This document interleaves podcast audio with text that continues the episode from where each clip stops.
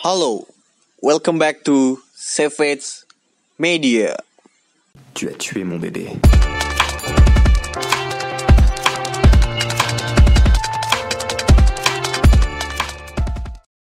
Halo, Halo. ya udah, Ya udah deh. ya udah. Kita dari Savage Football pengen ngomongin apa? Borussia Dortmund. Ya emang kenapa Dortmund? Eh, tadi dulu dong. Sebelum itu kenalan dulu. Enggak usah, enggak usah. Oke. Capek kenalan mulu. Balik lagi nih, gua hari ini bersama Raditya Gen Algifari dan salah satu teman gue yaitu. Enggak usah kenalan mulu ah. Males. Udah ayo. Tapi ini ada yang hilang nih, Saf hilang ya. Ya udah nggak apa-apa ada lagi perek. Dua orang lagi cuti, jadi ya udah kita berduaan aja. Yoi.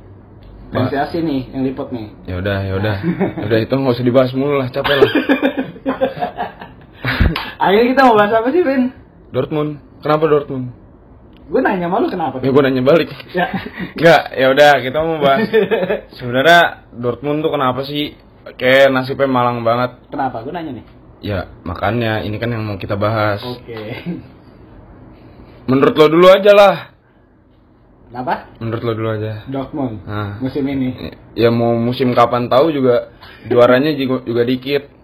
Menurut gue jadi malah kayak Tottenham mungkin atau Liverpool atau siapa pun itu lah. Jadi cuma pesaing juara aja ngerti nggak lo? Iya, cuma ramein lah ya. Iya ramein aja.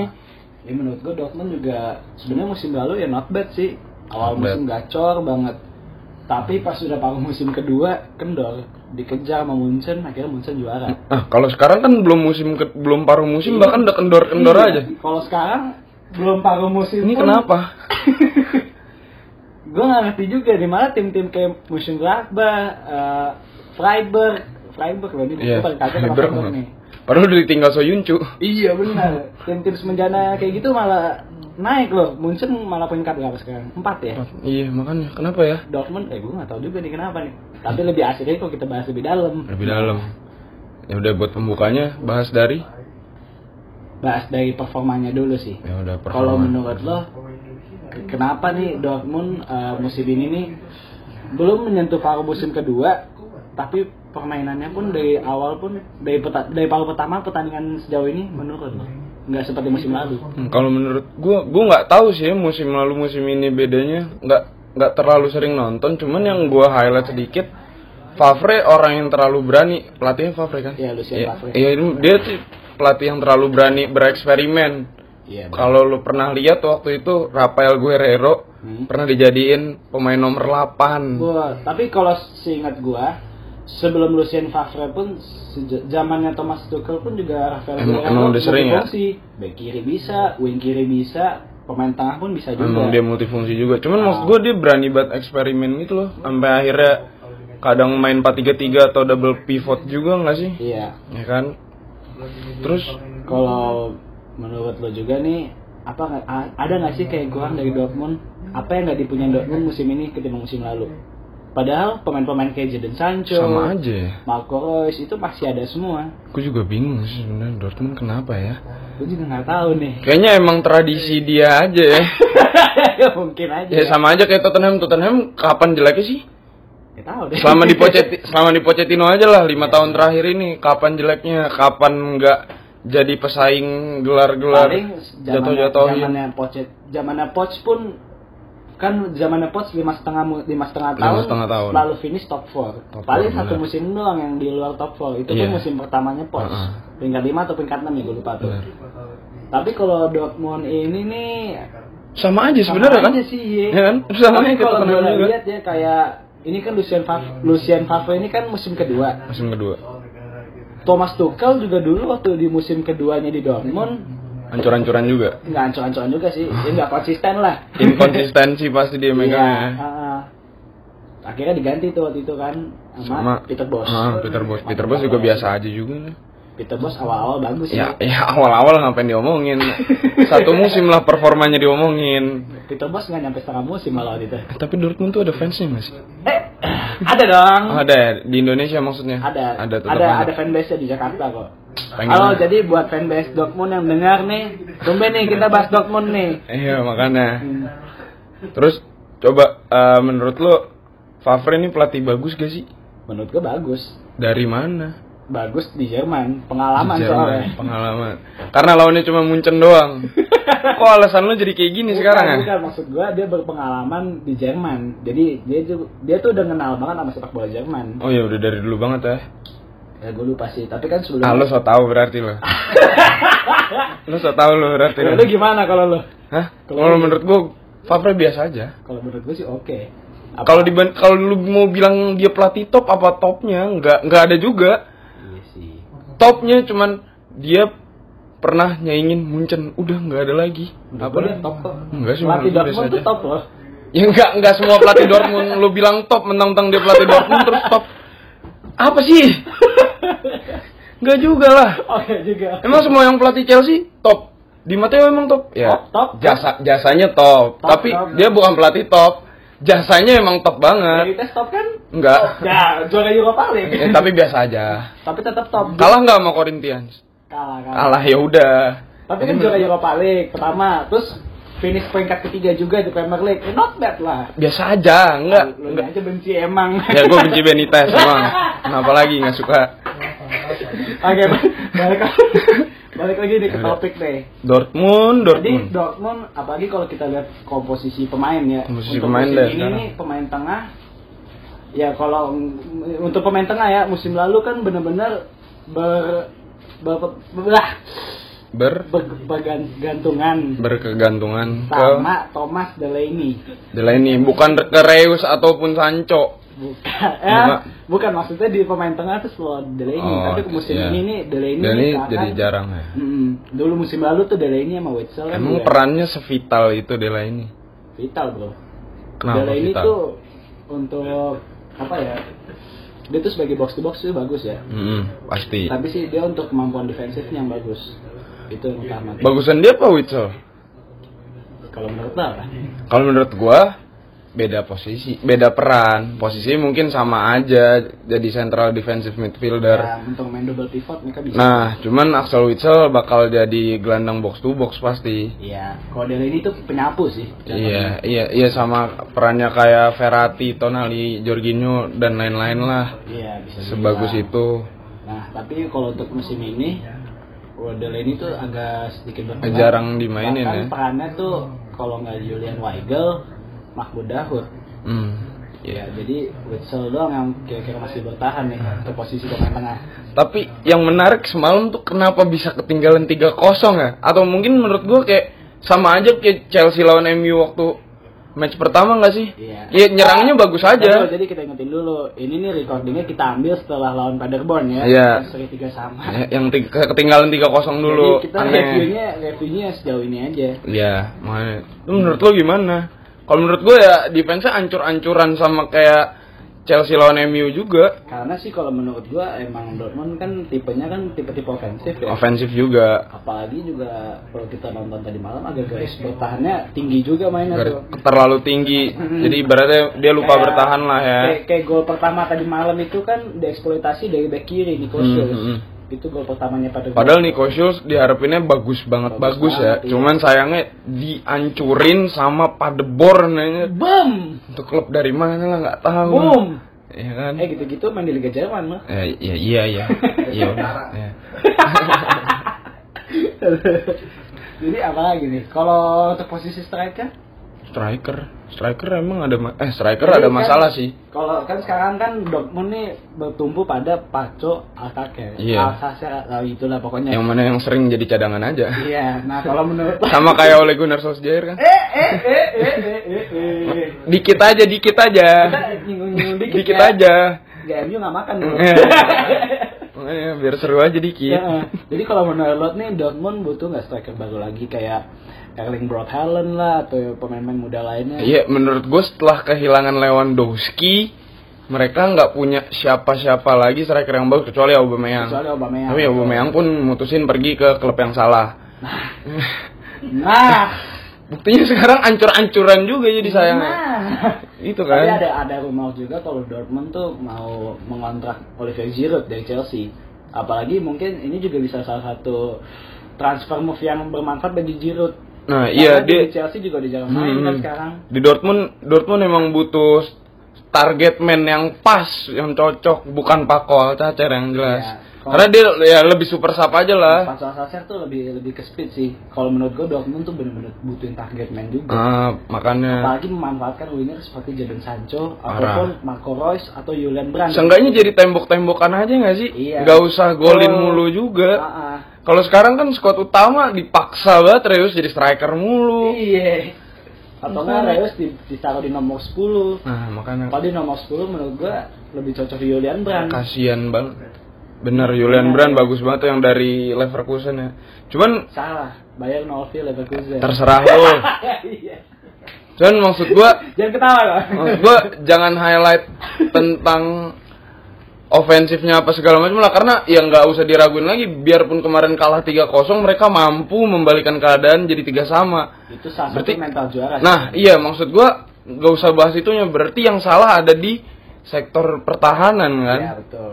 Menurut gua sih datangnya Mats Hummels tuh juga nggak menyelesaikan semua. Nggak menyelesaikan masalah berarti ya. Musim lalu pun duet Manuel Akan Akanji masih masih ada ya. Masih masih ada. Musim lalu tuh duetnya Manuel Akanji sama Dia lu nggak sih yang yang ke PSG? Zagodo ya, Oh, yang iya. pemain Prancis umur 20 tahun. Benar ya masih Menurut muda. gue sih oke-oke aja. Sebenarnya sih dengan datangnya Hummels harusnya juga semakin oke karena Hummels tuh selain mantan pemain Dortmund tahu kualitas timnya seperti apa. Udah itu Hummels tuh salah satu pemain senior. Nah, Tapi jadi pertanyaan kenapa pertahanan tambah bocor? Makanya performanya malah nggak bagus Maksudnya ya. dibilang bocor kagak, tapi nggak nggak nggak sebaik. Maksudnya untuk musim ini belum baik lah. Bocor lah sama Paderborn bisa 3-0. Iya sih. Bisa 3-0 dulu emang Iya, iya. gimana cara nggak bocornya? Iya iya iya. Kalau 1-0 itu oke, kecolongan, kurang fokus. Kalau 3-0 Ini apaan? masnya lawan tim papan bawah loh. Peringkat 20. Peringkat dua- Enggak, peringkat 18. Ah, 18 mah. Bundesliga 18 klub doang. Oh iya 18 klub. Bambang. Ya sorry. Kurang highlight liga nggak jelas. Eh. Kalau Kurang jelas lah karena jagoannya udah pasti muncen-muncen aja. Iya, Tahun lalu iya. Dortmund udah peringkat satu loh. Dortmund itu iya. Kesusul juga. Susul juga. Kalau menurut gue ya biasa kehabisan bensin. Lah ini bensinnya udah habis dari Nah, sekarang. ini dia. Jadi menurut lu mungkin ke depannya Di- ditambah juga tim-tim seperti Borussia Mönchengladbach. Iya, tuh lagi pada naik-naik aja. Lagi naik-naiknya. Ini gue baru pertama kali nih nonton Bundesliga. Iya. Peringkat 1 sampai peringkat 8 nggak ada Dortmund Munchen. Eh, Maksudnya Dortmund. poinnya nggak terpantau. Iya, iya, iya, iya. Bingung Sa- satu sampai tiga nggak ada Munchen. Mau nyamain pasar Liga Inggris kali biar seru kali ya. Kayaknya, kayaknya. Soal La Liga juga asik, asik juga Hmm. sekarang. Nggak seru ya? Ya seru ya, kenapa nih? Masalah ini masalah ini. Iya. ya kalau MU apa dong? Ya, gila. J- jangan cengin klub lain dulu Ya, lah. kita bahas Dortmund dulu lah. Yang lebih baik Dortmund. Ya, apakah Do- Dortmund MU yang lebih baik atau sama aja nggak sih? Ya sebenarnya dibilang sama aja juga enggak sih. Ya Dortmund kalau di liga lokal bisa lebih baik lah. Cuma kalau MU jadi Ya karena nggak ada saingannya aja. ada dong. Siapa? Ya itu baru naik sekarang-sekarang doang juga. Pasti bertahan lah, konsisten lah kayak Mönchengladbach masih bisa, Leipzig masih bisa. Iya. Ya kalau MU kan lebih banyak lagi, jadi susah. Jadi sebenarnya sama aja kan? Sama aja, bahkan MU di zaman Mourinho masih mending lah menang Euroleague. benar benar. Dortmund enggak sama sekali. eh wah Enggak maksudnya cuman ya lokal-lokalan aja. Aja. Dia cuma bisa menang lokal-lokalan. benar benar. benar. Tuh di final dihancurin lagi sama siapa? Munchen Buset lagi. Iya, tapi itu udah lama banget enam tahun yang lalu. Jadi menurut lo ke depannya Dortmund akan bahkan masuk zona Liga Champions atau enggak sih? Sekarang kan tim-tim juga lagi bagus. Kayak Monglaba, Leipzig segala macam. Jujur sih kalau menurut gua Liga Jerman tuh musim ini agak susah diprediksi. Agak ya. susah diprediksi. Ya karena balik lagi unpredictable tim seperti Mönchengladbach, Leipzig dan Freiburg bisa di papan atas. Bisa di papan atas. Mm-mm. Sedangkan Munchen dan Dortmund Yang ya, yang notabene langganan top 2 ya. Makanya. Top 2, terlempar loh dari top 3 mereka tuh. Peringkatnya. Berarti menurut lo sampai mana Dortmund? Ya untuk musim ini juara bisa sih sebenarnya. Apalagi memanfaatkan kondisi Bayern Munchen yang Lagi baru ganti pelatih lagi nih, baru transisi ganti pecat. pelatih nih. Bisa dibilang. Itu pertama. Pelatihnya asistennya lagi kan. Mm-mm. Yang kedua itu untuk secara squad sih Dortmund nggak buruk-buruk banget. Untuk kualitas Liga Jerman kelas malah. Bagus kelas. Ah, Ya cuma kita balik lagi ke saingan yang lain.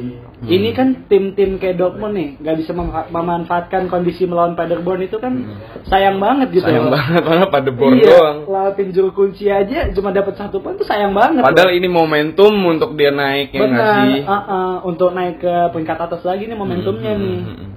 Sayang aja. Berarti ya udahlah ya kalau di liga lokal kira-kira mungkin lawannya juga cuma segitu-segitu doang. Iya. Minimal liga Eropa lah ya musim ini. Champion bisa sih. Ya minimal banget.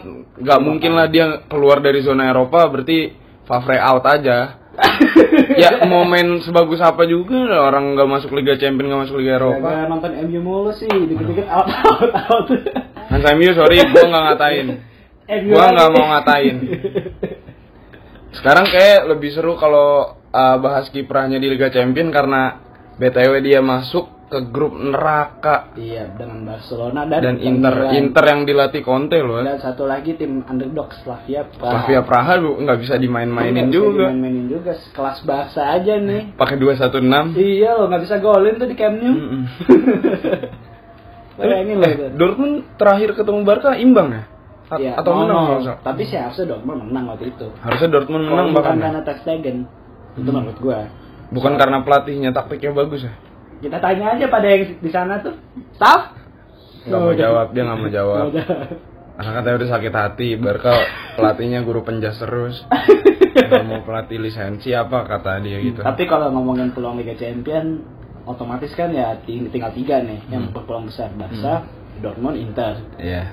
Apalagi Barca untuk ini gue ingetin sekali lagi ya kita recording tepat setelah pertandingan Dortmund melawan Paderborn. Jadi gue buat prediksi untuk Barca lawan Dortmund dah. Besok kan main di Camp Nou ya, Mm-mm. Barca lawan Dortmund. Itu agak susah sih peluangnya berat. Untuk untuk Barca atau Dortmund? Dortmund. Dortmund. Dortmund dah. Ditambah lagi kalau Inter Milan nanti menang Iya, lawan lawan Praha. Praha.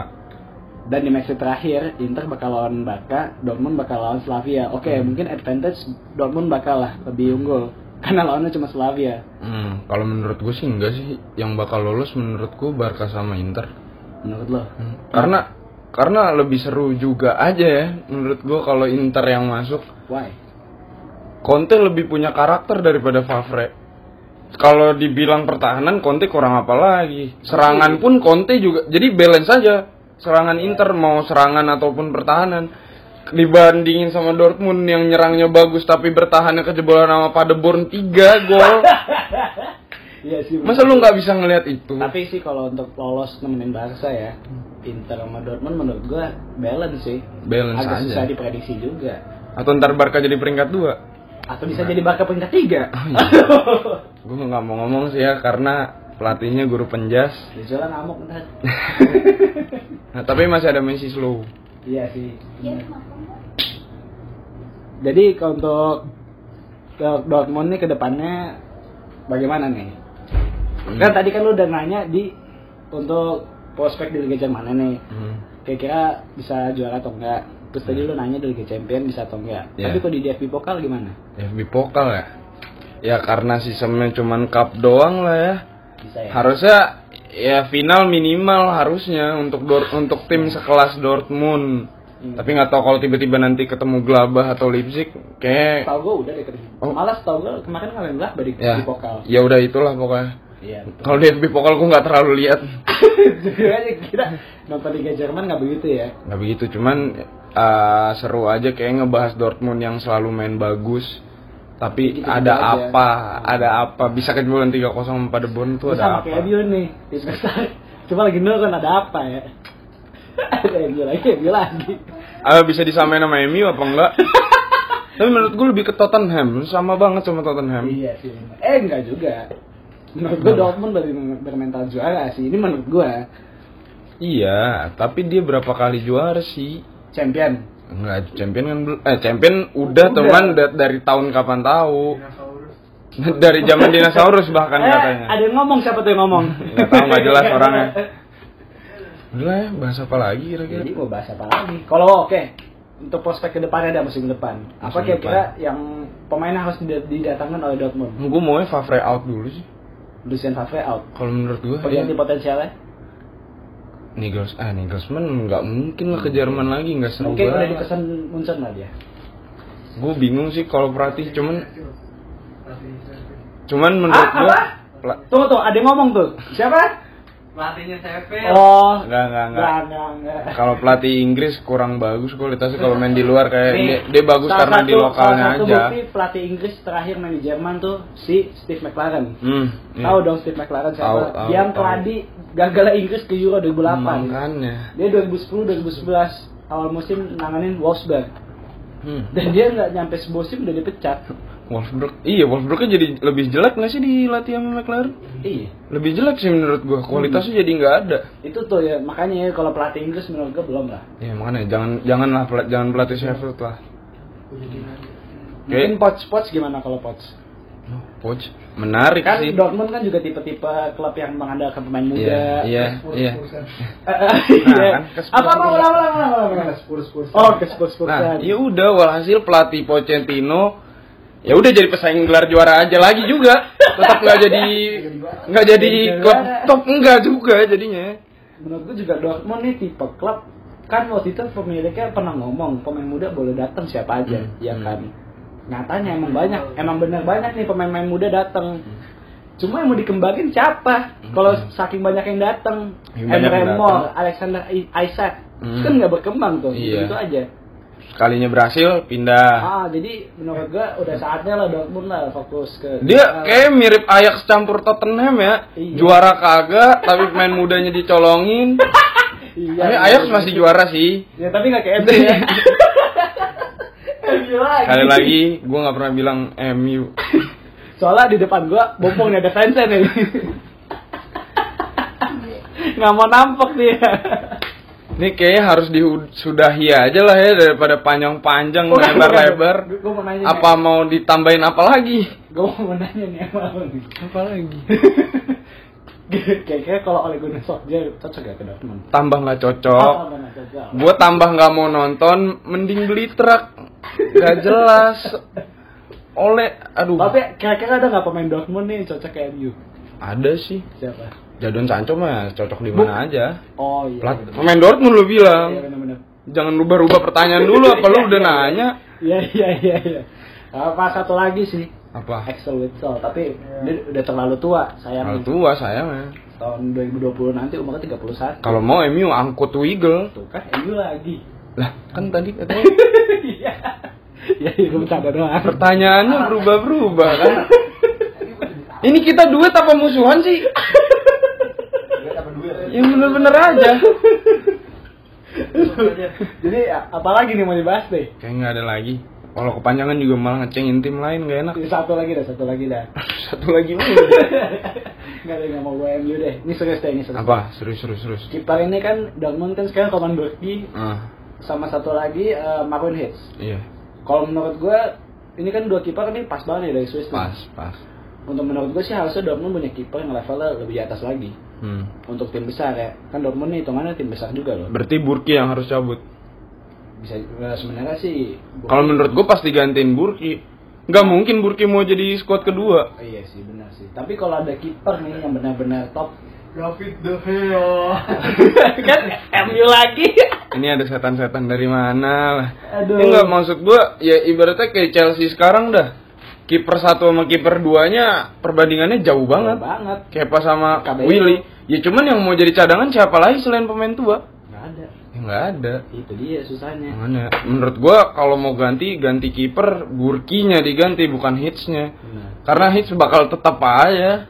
Iya. Kalau lu buang hits Tapi perebutan perim apa kiper utama walhasil kayak Begovic sama Courtois. Tapi Begovic cabut akhirnya. Hits bukannya belakangan ini juga main utama mulu ya? Iya. Sebenarnya sih yang gue lihat positif dari Dortmund sih juga kualitas kipernya sih. Hmm, hmm. Jadi menandakan juga kalau kedua kiper itu rata kualitasnya. Iya makanya.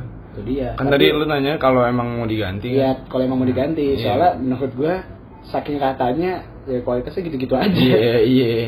Kalau mau naikin sekalian tapi yang udah Tapi tadi ada yang teriak tuh. Siapa yang cocok tadi? Kan pemain pemain MU lagi. ya udah nggak apa-apa kalau mau Gea juga nggak apa-apa silakan ambil aja Eh. cuman gue bilang ya udah bakal jadi biasa aja juga Dean Henderson aja lah. Gak usah MU dia. ya udahlah kita lari ke mana-mana mulu Oke. ya kan stop aja ya Oke. Kita pamit dulu ya. Gua Gian pamit. Tu as tué mon bébé.